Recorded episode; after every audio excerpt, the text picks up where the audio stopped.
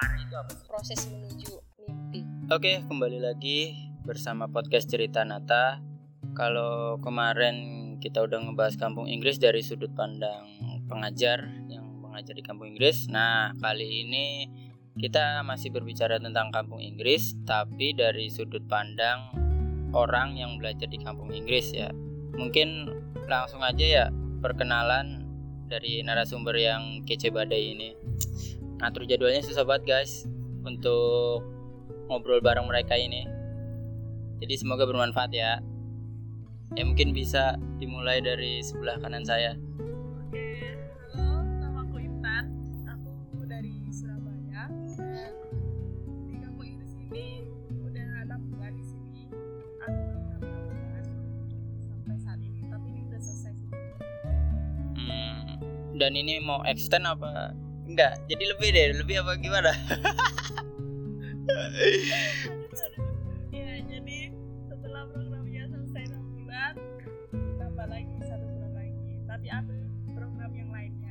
Oke, nanti kita bicarain ya lainnya ini apa ya. Iya, oke. Langsung aja yang kedua siapa namanya? halo halo Ya, halo juga, halo juga. Ya, ya, ya. halo, halo iya kembali lagi dengan cerita ayah oh ya salah salah salah salah Cerita Nata. Sorry, sorry, sorry, Ayah. Aku di sini ngambil program 6 bulan juga sama-sama kayak Intan dan aku asalnya dari Sulawesi Selatan. Tapi tolong jangan nanya alamat aku di mana ya. Soalnya setiap orang nanya alamat aku, aku bingung harus jawab apa. Oh ya siap, kita gak akan aja ke situ kok. Oke mungkin langsung aja nih. Aku pengen nanya, kan udah enam bulan ya kalian di sini. Seharusnya sih udah tahu ya tentang kampung Inggris dan sebelumnya. Dikit lah. Nah, nah, sekarang aku pengen nanya nih, menurut kalian itu kampung Inggris apa sih setelah enam bulan di sini? Terserah deh siapa dulu. Oke, aku dulu ya. Ya, Kalau menurutku, kampung Inggris itu kayak miniaturnya Indonesia. tuh. Yang kayak pernah dengar ya? oke. Miniatur gimana emang? Jadi kan banyak orang dari seluruh Indonesia itu datang ke sini untuk Aha. belajar bahasa Inggris. Iya. Jadi bisa nemu orang dari Sabang sampai Merauke di sini. Oh,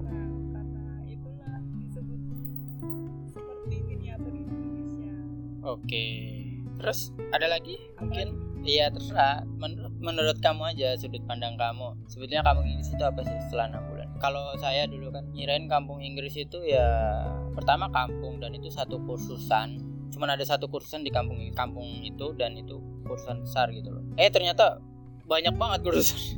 ada seratusan lebih. Ya. Kalau aku sih awalnya kata kampung Inggris dalam pikiranku itu ya sebuah tempat, Mhm. sebuah tempat yang orang-orang yang tinggal di sana itu itu bisa bicara bahasa Inggris. Oh semuanya bisa baca bahasa Inggris. Iya. Nah itu pikiran aku juga tuh waktu awal. Hmm.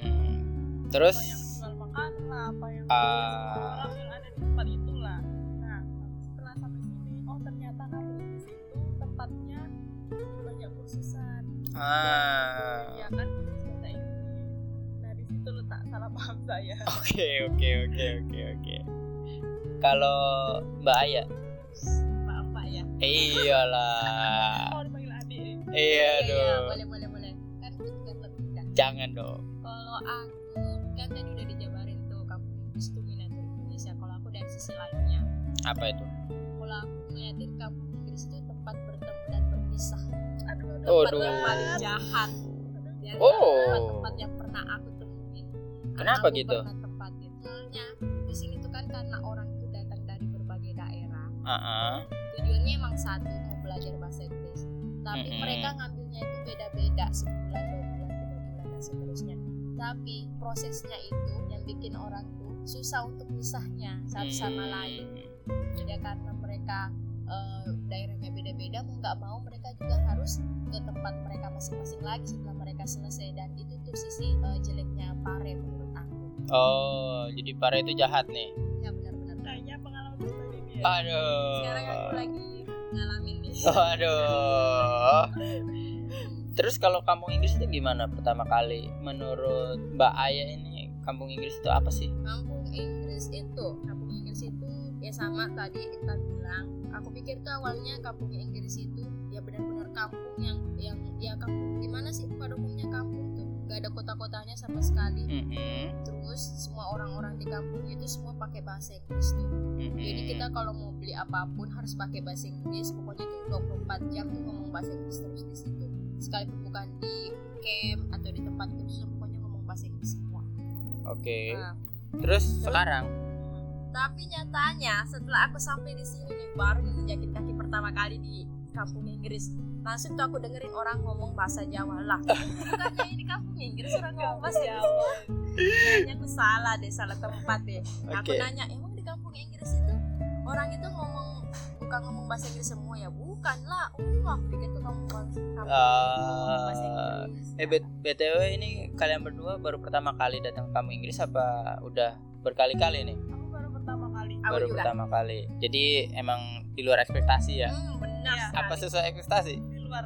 Di luar ekspektasi. Oke. Nah, lanjut lagi nih. Kalian kan udah enam bulan tuh. Hmm. Tadi udah cerita tentang kampung Inggris yang awalnya A ternyata Z gitu ya jauh banget. Udah enam bulan juga di sini. Kalian nemuin apa aja sih yang asik-asik gitu tentang kampung Inggris? apa ya Ada nggak yang asik atau ya kampung ya jas biasa aja gitu? Just so Iya. Just a question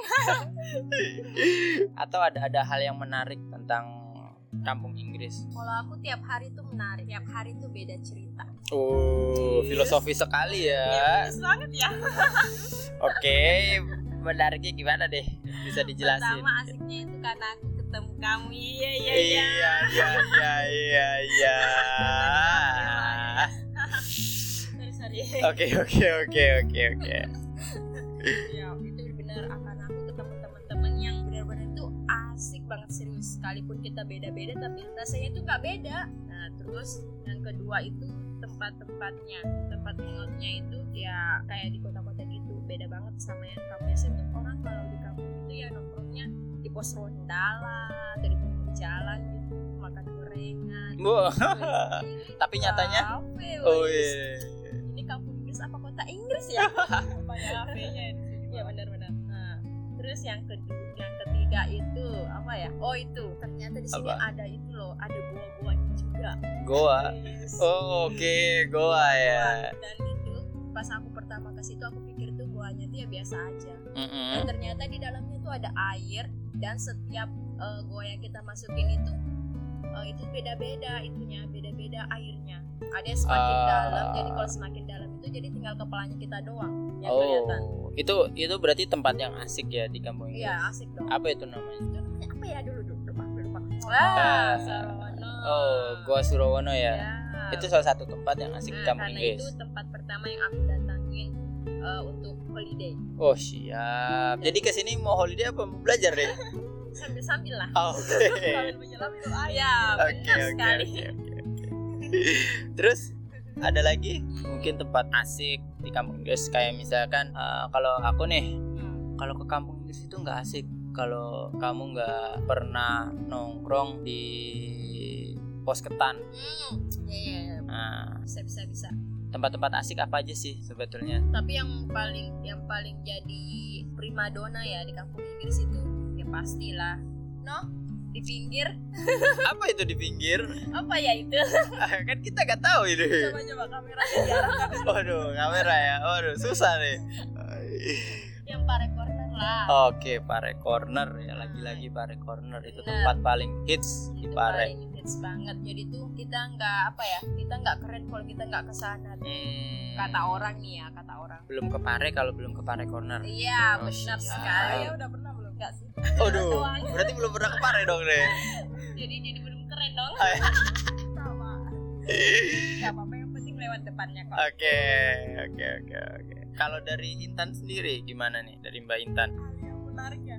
Ya, Kayaknya jadi Surabaya itu salah satu hal yang menarik. Candi oh, iya, benar, benar, benar. Tapi sayangnya aku gak diajak. Oke. bukan nggak diajak andanya kayaknya nggak tahu deh Oh, Inggris sendiri yang pasti harus nyobain ketan susu. Hmm. oh, Tansu, Tansu. Oke. Terus apa lagi ya? Apalagi mungkin tempat-tempat yang asik yang wajib dikunjungin deh kalau ke Pare. Kan udah enam bulan ya, pasti udah keliling-keliling dong dari gang satu ke gang yang lain. Gak juga sih sebenarnya. Oke juga, oke oke oke. Berarti aku doang nih. Tempat lainnya itu ini Karambola namanya. Oh, Karambola. Apa itu karambola? Itu tuh kayak Mm-mm. buah-buahan. Iya. Nah itu bisa menjaga di situ. Bisa kumpul-kumpul Oh. sama teman-teman lagi sambil gibah. Eh, ya gibah sih diskusi. Oh, diskusi ya, bukan gimana ya, diskusi. Gibah, diskusi. Ya, ya, ya, ya. Bisa, bisa. Karambola. Di Karambola. Itu tempatnya enak banget Nah, terus apalagi ada lagi nggak tempat-tempat yang kira-kira asik nih asik. Buat teman-teman kalau misalkan yang baru pertama kali dateng, yang mungkin seminggu dua minggu tapi nggak pingin ngebuang waktunya percuma. Tadi yang pertama ada Tansu, terus Mm-mm. ada Karambola, Iya. terus kalau teman-teman pengen terlihat kece bisa lah datang ke kafe-kafenya. Waduh. Wah, Karena kafe di sini tuh nggak kayak kampung, kafenya keren-keren parah. oh siap. Yang paling keren apa nih menurut Mbak Intan? Paling paling keren yang ada di pojokan kampung Inggris itu. Udah lampu-lampunya udah nyala-nyala. Apa itu? kan yang dengerin nggak tahu ini. Oh iya iya. Iya bener juga ya. Yang tadi Pare Corner itu. Oh, Pare Corner lagi ya. Itu emang Paling hits. uh, hitsnya Pare ya Pare Corner itu. Nah tadi kan udah ngomongin tentang tempat-tempat yang asik ya, yang ya yang paling berkesan lah dari Pare itu selama enam bulan. Nah sekarang kalau misalkan kalian nih yang dipelajarin sisi lainnya Pare itu hal-hal tabu itu apa sih hal-hal yang tabu lah? Yang kayak ya mungkin kalau ke Pare tuh jangan lakuin ini. Atau mungkin kalian pernah mengalami hal-hal yang nggak menyenangkan mungkin selama di Pare apa gitu? Ada nggak kira-kira? Kalau viral, hal-hal yang viral ada. apa itu Kamu pilih dia Pak. oh Kamu pilih dia apa? oh ya ya ya Pare jahat ya Nah, itu tuh salah satu korbannya dari para jahat. tapi kayaknya tadi Mbak Aya bilang kalau korban Pare jahat juga ya Ya, tapi aku beda dong ceritanya. Oke, Bukan oke. aku pilih dia Pak aku. Pilihnya Oke. siapa? Pilihnya kamu. iya siap ada nggak itu kira-kira hal-hal yang mungkin sisi lainnya Pare lah yang jarang orang tahu gitu kan yang pernah kalian alami Sisi lainnya Pare. Mungkin karena Pare ini banyak orang ya dari seluruh Indonesia. Mm-mm. Mungkin perlu lebih waspada sih. Karena ah waspada ada iya waspada akan kejahatan lah. Oke, kejahatan seperti apa tuh? Pembunuhan kah? Wah, terlalu tinggi sih. Oke, terus kayak gimana deh? Lebih waspada tentang barang-barang. Ah, banyak maling di sini. Iya, barang-barangnya. Karena kan kita Ah, nggak tahu orang nggak ada yang kenal. kan. Iya, nggak ada yang kenal. latar belakangnya ya itu. Kalau dari Mbak ya? Maaf ya karena aku selalu eh, ke camp, ke kursusan, ke camp, ke kursusan jadi aku nggak tahu. Oh, orang baik-baik. berarti nggak nggak dapet hal-hal yang negatif nih. Pare tuh positif semua. Kalau yang mistis-mistis, Apa itu? Emang ada yang mistis-mistis tadi Pare? oh ini yang menarik ya? Oh iya. Udah, udah, udah. Aku tuh pernah denger ya, Ah, ah. ada tuh orang yang pernah cerita kamu katanya di campnya itu ada orang yang suka manggilin nama dia. Oh, Nggak tahu pernah kenalan nggak sih sebelumnya tuh nggak ngerti juga aku. teman kamarnya? Jangan-jangan. ya nggak tahu juga nah cuman dia bilang dia itu halus banget makhluk halus maksudnya Oh, makhluk halus ya, bukan kulitnya yang halus ya. Halus. katanya tuh setiap malam tuh bukan nggak tahu sih setiap malam atau apa pernah tuang itu katanya karena dia sering begadang Mm-mm. Dia ngerasa dia manggilin namanya terus Oh. dia keluar dari kamarnya dan ternyata nggak ada orang-orang sama sekali Pare, pare, pare tuh ternyata ada setan-setannya juga ya. kayaknya itu setan-setannya ngikut deh ngikut Ah. dari kampung yang lain-lain juga datang ke Pare nggak tahu dia mau belajar Iya, bahasa Inggris Mau gimana, baca. Inggris juga ya? sepertinya deh dia nggak mau dikalahin jadi datang juga ke Oke, Inggris. siap. Bikin nyobain ya kampung Inggris. Siapa tahu nanti setannya belajar ke luar negeri. iya bisa jadi Jadi ada bisa gaul gitu ya. bisa jadi Oke, oke, oke. cuma hati-hati aja karena kita itu sebagai tamu Ah, terus hati-hati ya. ngikutin apa-apa yang udah dijadi, dijadi peraturan di kampung sini dan kita nggak Ah, ya, setuju. Kalau itu setuju, setuju, setuju banget itu benar banget itu. Jangan sampai kayak kakak desa penari ya. Oh ya bisa jadi Itu.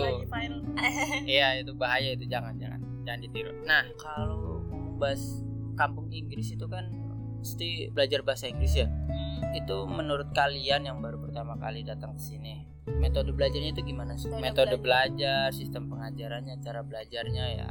Itu gimana menurut kalian tentang kampung Inggris? Yang mungkin bisa dijelasin yang awalnya pinginnya mungkin ngiranya A ternyata dapatnya B dan itu lebih baik atau lebih buruk atau gimana? Efeknya kalian itu apa sih sebagai orang yang belajar di sini selama enam bulan? Aku ya aku tuh pikirnya waktu sebelum ke sini tuh dia tuh kayak kelas-kelas gitu kita kayak masuk sekolah terus bajunya tuh mesti kemeja terus pakai Mhm. sepatu. Mm-mm. karena gara-gara aku mikir seperti itu Heeh. kalian tahu aku bawa banyak baju kemeja terus bawa rok bawa sepatu. Formal banget ya. Banget. Aku sampai gak bawa sendal. Jadi di kampung Inggris mau nggak mau ya udahlah beli sendal. Karena semua orang ternyata itu pakai sendal. Jadi sistem belajarnya tuh benar-benar nyantai sekali. Ah, jadi tuh sekalipun kita bodoh-bodoh banget tapi kalau udah dikasih games-games gitu mau nggak mau itu kita pasti itu nyerap pelajarannya juga. Karena kalau kita nggak nyerap pelajarannya kita bakal dapat bedak. Wah itu tuh bedak keramat banget di kampung Inggris tuh. Kalau ngeliat kalau ngeliat bedak ingatnya punishment. Oke, oke, oke. Sebuah kultur ya, iya bener budaya kalau di kampung Inggris itu. Terus itu efek nggak sih buat belajar? Sebelumnya ini Mbak Aya pertama kali belajar bahasa Inggris atau gimana? Apakah udah ada basicnya? Atau jangan-jangan ke kampung Inggris ini cuman buat main-main doang, liburan, pelarian kan banyak tuh ya kayak gitu. iya Atau seperti apa nih? kalau aku benar-benar belajar dari basic Hmm, awal dan dan itu ada itu nggak pengaruhnya gitu? kalau aku karena aku belajar dari basic ya benar-benar berpengaruh kan yang awalnya benar-benar nggak tahu apa-apa yang ngomongnya aja malu banget pakai banget banget karena takutnya nanti dibilang wah sok bule lah mukanya aja kayak gini ada bule-bule aja pakai ngomong bahasa Inggris. Jadi tuh takut duluan. Sampai di sini ternyata tuh orang ya ngomong sekalipun di WC di mana ngomong bahasa Inggris terus. Jadi Oh. jadi tuh kita ya mau nggak mau kita ngikut juga. Jadi sekarang itu udah jadi habit. Jadi sekarang tuh kayak susah ngomong bahasa Indonesia Oh loh. siap, Sombong sombong banget ya. Jadi kampung Inggris ini ngerubah Mbak Aya. kalau buat aku iya Oh, kalau Mbak Intan Kalau aku sendiri, yang pertama dari metode belajarnya dulu deh. gimana? Eh ya. sebelumnya ini Mbak Intan udah ada basic bahasa Inggris atau belum? Atau jangan sama kayak Mbak Aya deh? Atau gimana? Sebenarnya aku juga belajar bahasa Inggris itu waktu sekolah. Ah, berarti cuma sekolah doang. SMA. Sedangkan itu tahu Oke, di ya. Ya gitulah ya. Ya, ya, ya. Kita tahu. Iya, kita tahu semua lah ya. Oke, Tahu, oke. tahu, tahu. Ya kayak gitu. Tapi karena aku suka nonton film sih. Ah, Jadi berawal dari suka nonton film. Iya, nonton film, musik. Jadi dari situ aja terus Hmm. dari situ aja. Terus metode mengajarnya itu gimana? Sistem pengajaran, metode metode mengajar, cara belajarnya itu yang dirasakan selama enam bulan di kampung Inggris itu apa? Kalau di kampung Inggris ini beda banget dari sekolah ya. Mhm. Kalau sekolah kan udah kita itu belajar udah dikasih teori sama gurunya udah tek udah selesai Mhm. ya udah bisa ujian Oke. kalau nggak lulus ya udah nah Ya udah ulang lagi gitu. lagi ya remedi remedi ya. Oke. kalau di sini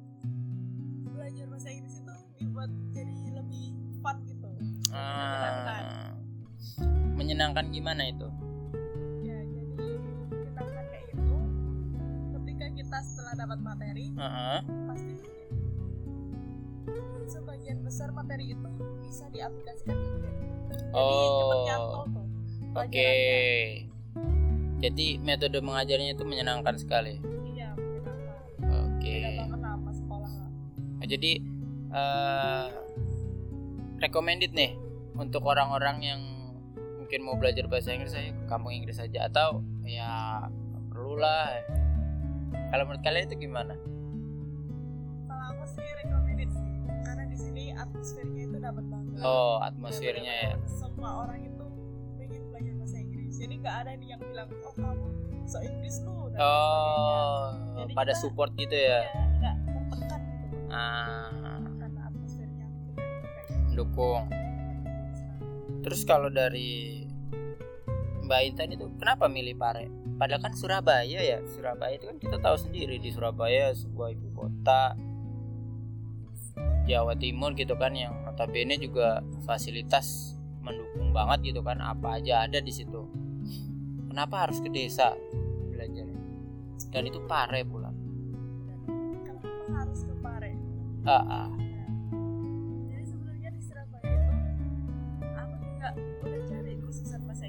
Oke. Tapi masalahnya adalah harganya yang terlalu tinggi. Oh. Dan meskipun di situ juga apa ya kayak atmosfernya itu ya udah dalam kelas itu. Misal ah. kelas cuma satu jam setengah kita dapat ya udah di kelas itu dalam kelas itu aja ya dalam satu jam setengah itu aja. Oh Terus selesai di situ? pulang balik lagi nggak dapat ah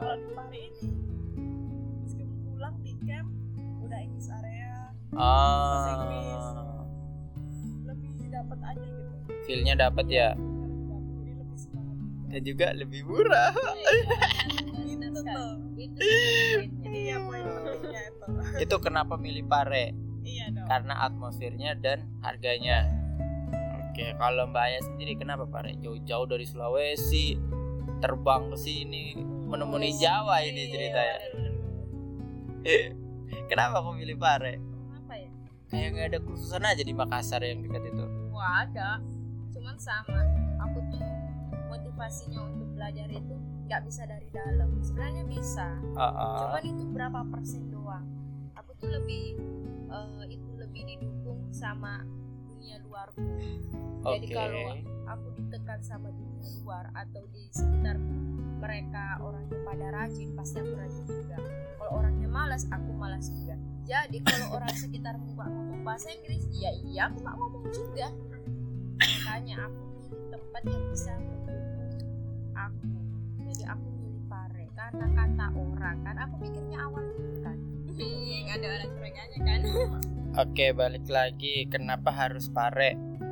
Dari Mbak Aya tadi. Kenapa harus pare? Karena yang seperti yang aku bilang tadi tuh, aku pikir di pare itu orang semua ngomong bahasa Inggris. Jadi itu kan lingkungan mendukung nih. mhm. Jadi mau nggak mau kita harus bisa bahasa Inggris juga dong. Iya. Malu lah kalau kita nggak tahu bahasa Inggris. Nah sedangkan di Makassar orang itu dominan pakai bahasa Makassar.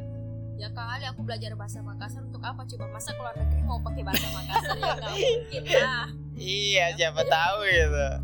Nah, sedangkan untuk belajar sendiri itu aku males banget kalau Hmm. lingkunganku nggak mendukung.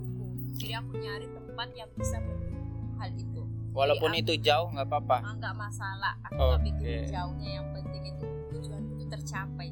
Oh, Mulia siap. sekali ya. Iya benar. Emang tujuannya datang ke Pare itu awalnya apa sih? Ya, Dan pasti sekarang udah dapat belum?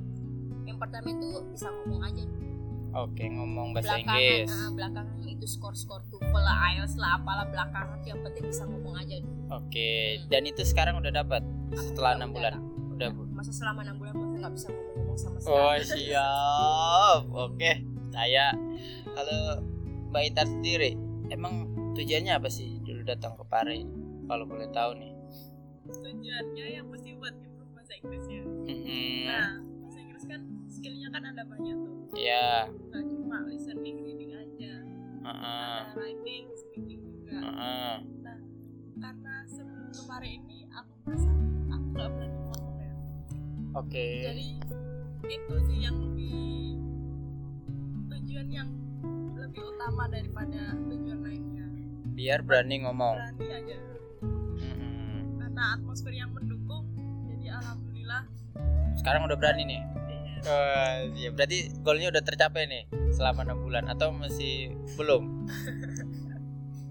masih ada lainnya sulit Oke. Iya. Apa aja itu? Apa aja emang ada berapa Tadi kan speaking, udah udah udah berani, udah berani ngomong nih, udah berani speak up. Terus apa lagi? Mak? Terus apa, selain- apa aja sih yang bisa kita dapat di Pare ini? selain speaking juga tujuanku sebenarnya mau ngejar skor juga Oke.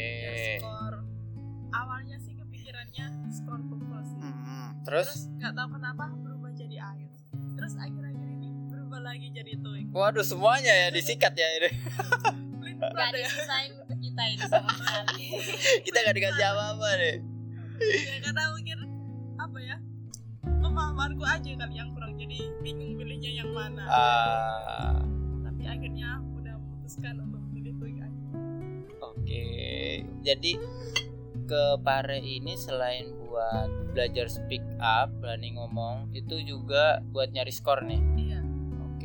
Iya. Dan sekarang udah dapat atau masih proses? dalam proses Oke. Tinggal tweaknya ya setelah master iya TOEFL sama IELTS Siap. Kita mah apa ya? Boleh-boleh debu. Gak serpian mari mas. Oh ya. Yang diaduk langsung hilang Iya ya. bener. Terus kalau Mbak Aya sendiri berarti udah dapat nih goalnya. Kalau goals yang pertama ya pasti itu. Emang Tapi- ada berapa goal? Banyak sih tapi tujuan utama aku emang bisa ngomong aja. Oh berani ngomong ya Nah. berarti kalau untuk orang-orang nih mungkin ngedengerin podcast ini terus lagi bimbang tentang kampung Inggris ini cocok ya bagi yang emang mau belajar buat berani ngomong bahasa Iya. Inggris. Bener banget. Ah, karena kalian berdua nih awalnya emang gak berani ngomong bahasa Inggris? Iya berani. Oh Takut dibilang kenapa emang? sok bule. oh so bule sebenarnya sih takutnya itu bukan dari diri sendiri Tapi? dari omongan orang lain. Oh dinyinyirin. oh the power of nyinyir ya. Iya, itu kenapa harus pare ya? Karena pare itu atmosfernya itu dan kalian udah ngedapetin goal itu selama enam bulan ya? Terus tadi kan murah nih biayanya ya. Tapi kalau misalkan kan murah itu relatif ya. Nah kalau untuk yang emang murahnya standar murahnya ini berbeda nih. Dalam tanda kutip masalah finansial itu gimana? Ada solusinya nggak kalau untuk pare apalagi ini kan mbak Ayah kan jauh-jauh tuh dari Makassar. Pasti kan juga butuh modal yang besar banget kan? Iya, iya. itu gimana? Kalau dibandingin sama Makassar nih, emang jauh banget, jomplang banget. Jawa sama Makassar itu beda banget. Jangankan masalah khususan, masalah biaya hidup aja jauh banget. Emang gimana? Biaya hidup di Pare gimana sih emang? Kalau di Pare itu 100 ribu kita mesti bisa hidup sampai sebulan. Itu kalau aku ya. Oh, kan iya. beda-beda ya. Wow, satu ribu sebulan Kalau guys. 100 Oke. ribu itu 100 ribu kita bisa hidup sebulan kalau di Pare. Kalau aku ya. lain. emang kalau di Makassar berapa? kalau di Makassar 100 ribu tuh mungkin seminggu dua minggu kali. Oh, jauh itu aja banget. masih ya. kurang.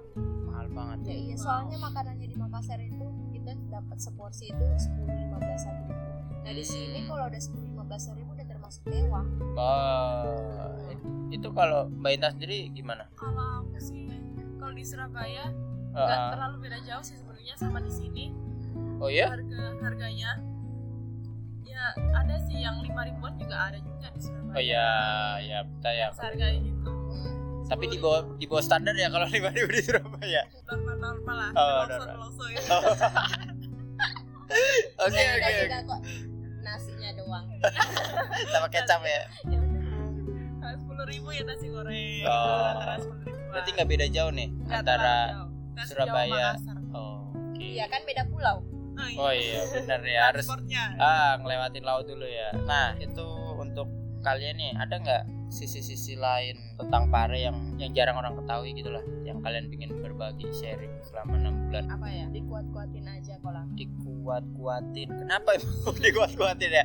Kayaknya berat banget hidupnya di pare. Padahal murah ya. Iya kalau dari segi harga emang murah. Mm-mm. Tapi kan kalau untuk perantau seperti aku, Ya. kalau saranku sih mending eh, pas datang stay ngambil berapa bulan langsung balik. Jangan eh, datang terus pas libur balik terus setelah libur balik lagi ke sini.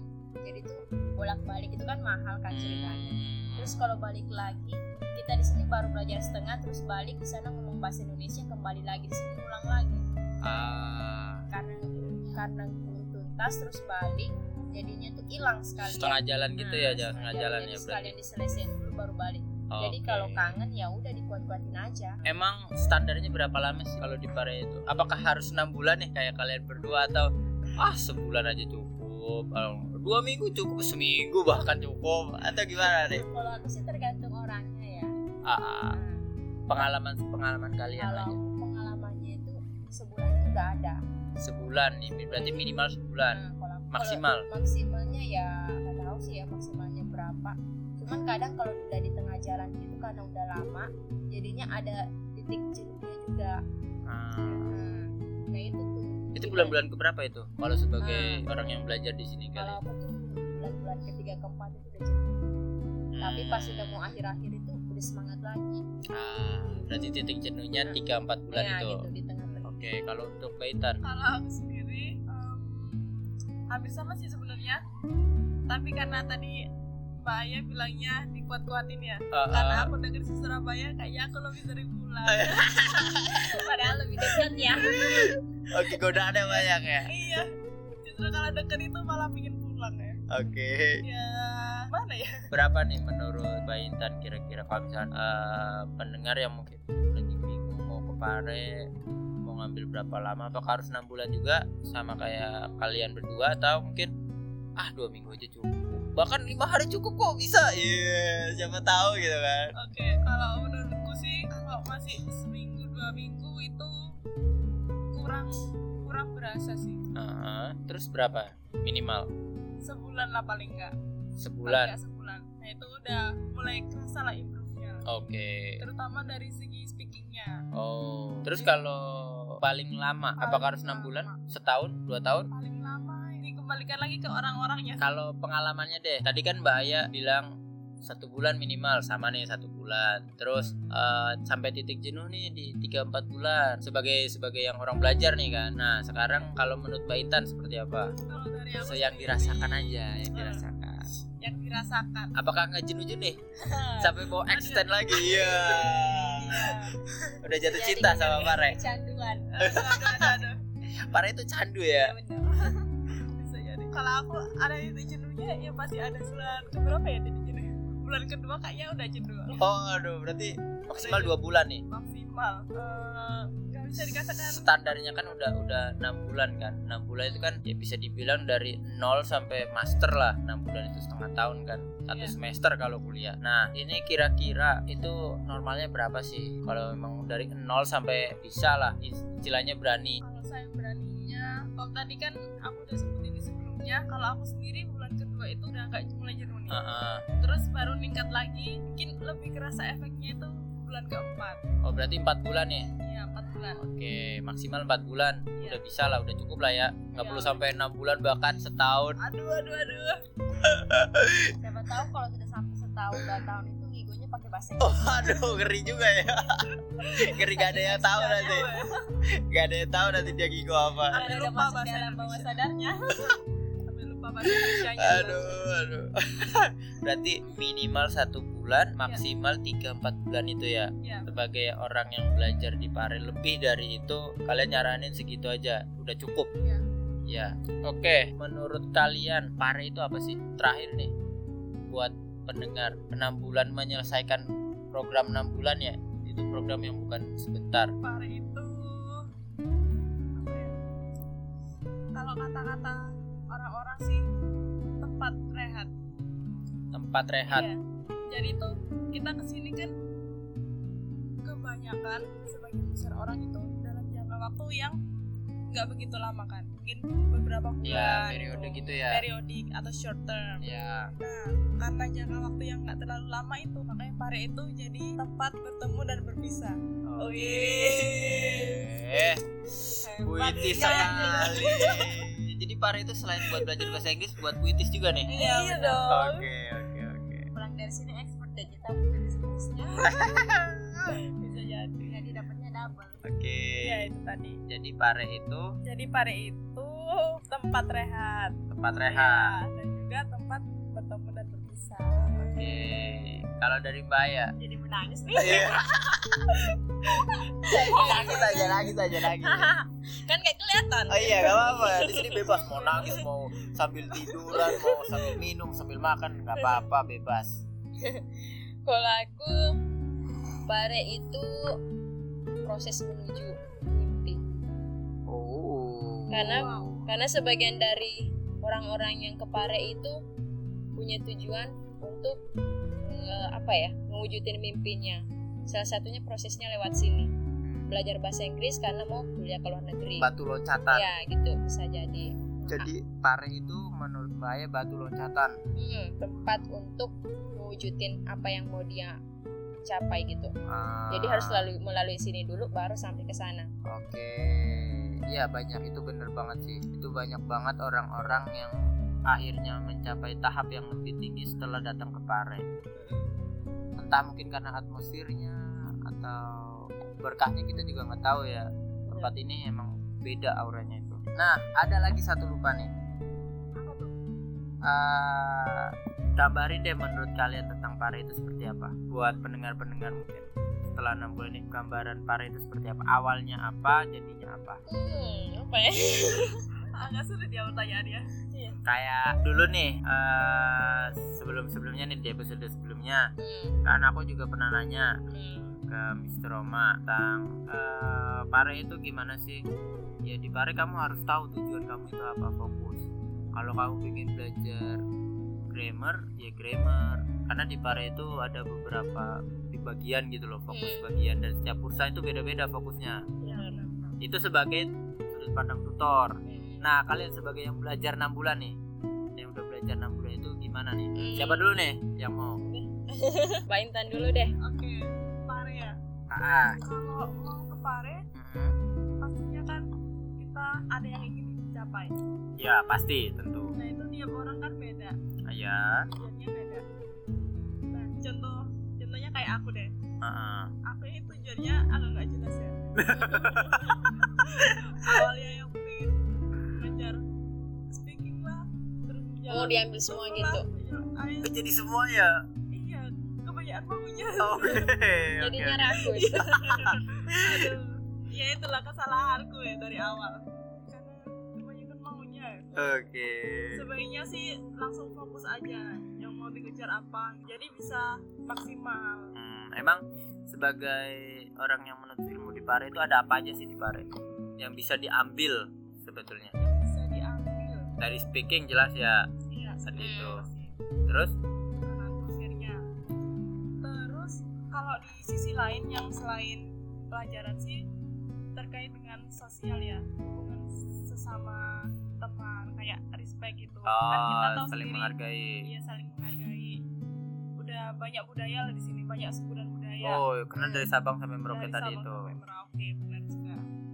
Nah jadi itu kita secara nggak langsung diajarkan gimana sih cara respect ke orang lain yang ah budayanya itu jelas-jelas beda mungkin kita ketika ngomong A itu kita anggap sopan tapi menurut teman kita itu nggak sopan, sopan nah kan itu Oke. harus bisa memposisikan diri Ya, nah ya, itu yang benar. saya dapat selain belajar bahasa Inggris jadi selain belajar bahasa Inggris juga belajar tentang hubungan antar manusia iya Terus ada lagi yang dirasakan selama bulan. Ada bagian apa aja sih sebetulnya yang bisa kalian pelajari di Pare untuk apa lebih fokusnya untuk bahasa Inggris ya, untuk bahasa itu untuk bahasa speaking pertama. Terus Ya, terus kalau mau expert di grammar juga ada di Bisa sini. di sini. Bisa khususan Oke. yang khusus grammar mulai A sampai Z dibahas semua gitu oh ada. ya, terus Terus untuk yang mau ngejar skor TOEFL IELTS atau TOEIC oh, ada juga di sini. oh cari nilai,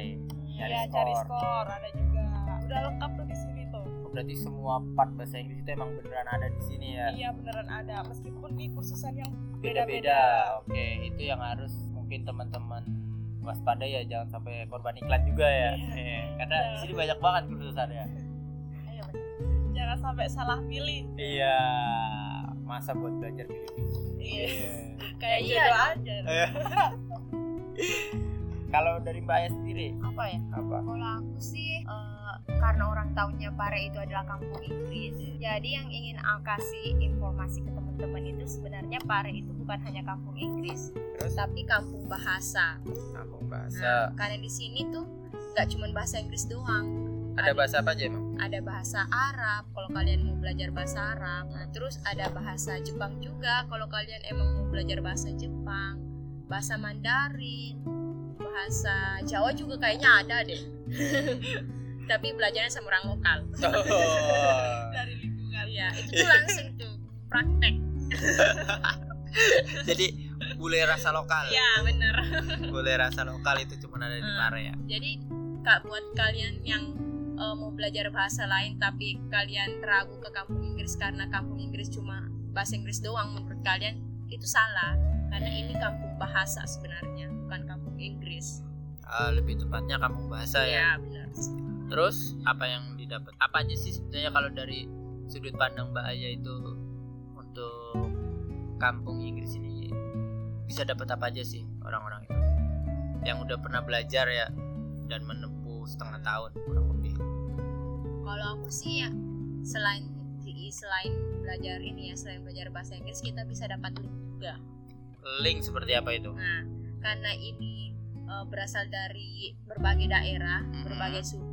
Jadi kita punya banyak teman dari berbagai daerah. Jadi enak tuh kalau kita mau ke Surabaya tinggal calling Mbak Intan. Wah, siap. Kalau mau ke itu ke Jawa Tengah bisa calling Mas Nata. Oke. Iya. Tinggal calling-callingan aja. Dan nanti sampai situ dibayarin deh. Iya, siap, siap, siap, itu siap. tuh. Itu tuh Berarti- sisi lainnya. Oh, sisi lainnya itu ngebuka jaringan. Iya. Networking Networking karena periode itu ya. iya benar. Oke. Terus yang ini juga nih yang penting eh, ngajarin kita prospek orang. Prospek orang gimana itu? Iya. maksudnya maksudnya Soalnya kalau kita udah belajar sini tuh kita ngomong sedikit aja tuh. Jadi orang-orang yang diajak ngobrol selain orang-orang yang di kampung Inggris tuh pada tertarik. Wis udah jago ngomong bahasa Inggris aku mau ke situ deh. Iya, siap. Jago nggak prospek orang. Tinggal ngomong dikit aja, wis udah Ah. terpengaruh tuh. Oke. Perlu ngomong-ngomongan kayak MLM gitu. Ini bla bla ya, bla bla ya harganya tuh segini tuh manfaatnya segini sih. Ngomong dikit aja, udah tuh Eh, kepengaruh. Langsung kecantol ya. Iya dong. Soalnya korbanku udah banyak. Iya. Juga ya. Aduh, aduh. Bisa bisa Emang ya. Emang, emang, emang. Bisa gitu ya. Yang oke, closing statement deh dari masing-masing dari kalian tentang kampung Inggris. Kampung Inggris oh, aku deh. Kampung Apa? Inggris itu unik. Unik. Mm-mm, karena semua rasa ada. Kalau Ah. menurut aku ya, rasa bahagia ada, rasa susahnya ada juga, Ah, rasa sakit-sakitnya ada juga. Jadi semua rasa tuh ada nyampur di sini. Oke. Itu kalau dari aku. Oke, kalau dari Mbak Intan. kalau dari aku sendiri tentang kampung Inggris yang pertama menentukan pilihan ya.